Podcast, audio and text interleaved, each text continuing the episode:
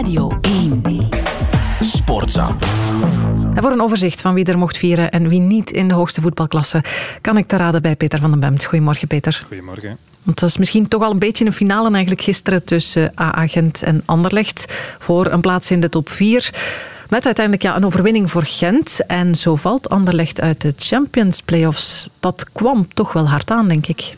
Ja, en wat een contrast hè, met een week geleden toen het Astridpark toch op de banken stond na die overwinning tegen Antwerpen. Maar goed, we wisten toen al dat het geluk broos was, dat verliezen in Gent eh, verboden was. En als je natuurlijk op de manier verliest zoals Anderlecht dat gisteren heeft gedaan, dan is dat heel erg pijnlijk. Hè. Het was ook eh, gek overigens om te zien hoe een wedstrijd waarin zeker voor de rust zo slecht werd gevoetbald, eh, beslist werd door een geweldige goal. Met een geweldige assist van Sven Kums. Maar goed, Anderlecht had op dat ene moment na altijd de controle over AH Gent. Ook in de eerste helft was na de rust een lange periode nadrukkelijk baas ook. Hè. Gent begon toch die belasting van de voorbije weken te voelen. Die Europese midweekwedstrijd. Anderlecht had genoeg kansen om simpel te winnen. En oké, doelman Roef speelde best wel een sterke wedstrijd. Maar mirakels moest hij nu ook niet verrichten. En een paar keer was het ook gewoon falen in de afwerking. Zoals Hoed uiteraard. Eigenlijk ook eh, Refailov. En eh, als een, eh, op een sleutelmoment als gisteren vond ik over de hele wedstrijd mocht het best ook wel wat meer zijn van dat grote talent Zirkzee. Dat viel mij dan toch weer tegen. En uh, Agent was gisteren de fortuinlijke winnaar, maar het heeft natuurlijk zelf ook vaak genoeg de voorbije week, het voorbije seizoen, aan de andere kant gestaan, mhm. waar het zichzelf niet heeft beloond in wedstrijden die het altijd moest winnen. Nu zat het een keer mee, dat mag natuurlijk ook. En uh, Anderlecht heeft zijn play-off 1 ticket eventueel uh, natuurlijk niet gisteren verloren, wel bij enkele van die tien gelijke spelen die volstrekt overbodig waren. Ik denk aan die tegen Standaard, tegen Kortrijk, tegen Oostende bijvoorbeeld. En ja, onderweg heeft Paars-Wit door veel te lang, te lang, vind ik eh, kwetsbaar en niet stabiel te zijn. Zichzelf, net als vorig seizoen was het op het einde van het seizoen zo in een positie gevoetbald waarin elke fout fataal kan zijn. Et voilà. En dat is inderdaad uh, gebeurd. Die top 4, daar moeten we het nog even over hebben, want er zijn nog twee speeldagen na de Interlandbreak. Ligt die vast? Want je hebt opvallend ook wel dat hè, Antwerpen en Agent alle twee nog tegen dezelfde ploegen spelen, tegen Leuven en Cercle Brugge. Ja, ik zou daar toch nog niet te makkelijk van uitgaan. Hè. Op voorwaarde natuurlijk dat Anderlecht zijn twee wedstrijden wint, dat moet gebeuren. En vooral Cercle Brugge zal na de Interlandbreak eh, toch een stevige tegenstander zijn voor Agent, denk ik. Want oké, ze hebben dit weekend nu met 5-0 verloren op Charleroi, maar toch een beetje door omstandigheden ook. En uh, Cercle heeft gewoon een heel sterke terugronde gespeeld. Uh, doet nog volop mee voor play-off 2. En uh, heeft al gewonnen van uh, Club Brugge en ook van Anderlecht. Dat was indrukwekkend. En vorig seizoen was bijvoorbeeld Hein van Hazenbroek herinnerde zich ook nog een pijnlijke herinnering voor Gent in het Jan Breidelstadion. 5-2.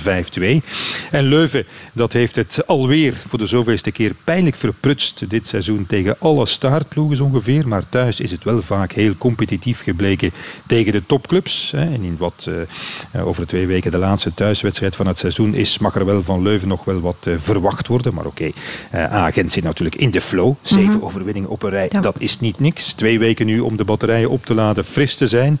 En Antwerpen, oké, okay, heeft dan uh, pas helemaal op het einde van de wedstrijd tegen Zulte Waregem het verschil kunnen maken. Maar was één week na die klap op Anderlecht en daarvoor ook nog de derby verloren. En alle commotie die er maar blijft duren, was Antwerpen toch gewoon heel goed. Dat eigenlijk 5-1 moeten zijn.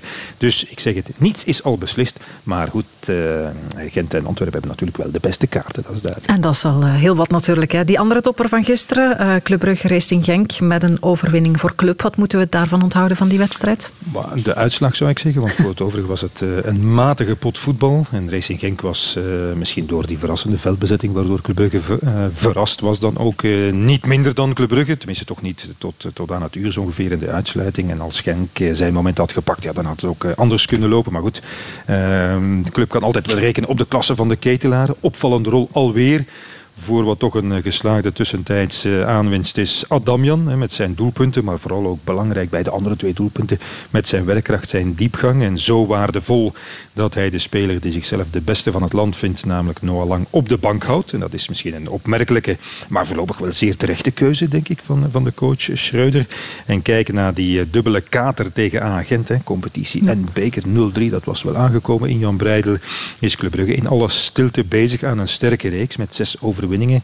Zonder dat het daarom al zijn beste niveau haalt. Bepaalde momenten in de wedstrijd misschien wel. Het waren ook niet de zwaargewichten in de competitie waar tegen Club Brugge heeft gevoetbald. En soms zat het ook wel mee. Hè. De welwillende medewerking van de doelman vorige week in Oostende. Mhm. Maar ja, er zit toch een stijgende lijn in. Ze hebben ook twintig keer gescoord in die zes wedstrijden. Dat is toch ook bepaald niet mis. En nu nog Beerschot op een uh, leeg kiel en KV Mechelen, dan kan het 6 op 6 zijn. En dan is Club Brugge net op tijd daar wanneer de play-offs beginnen. Ja, inderdaad, want het staat ineens ook maar op vijf punten uh, van Leider Union, dat vrijdag dan weer niet komt binnen thuis van uh, KV Oostende.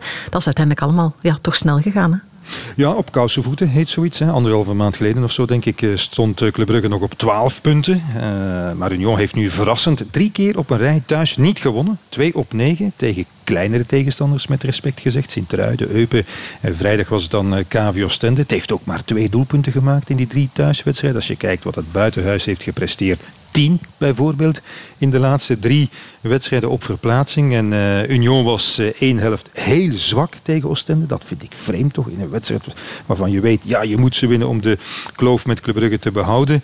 Uh, Oostende deed het best wel oké, vond ik overigens. Maar na de rust had Union er gewoon vier moeten maken. Ze waren overrompelend sterk. Zoveel kansen, ook voor de topschutter. ja, missers, pech een beetje natuurlijk. Uh, wat uh, een overwinning allemaal in de weg stond. En zo is die voorsprong op Club Brugge inderdaad nog vijf gedeeld door twee. Zoals je weet straks uh, twee punten, dat is niets meer.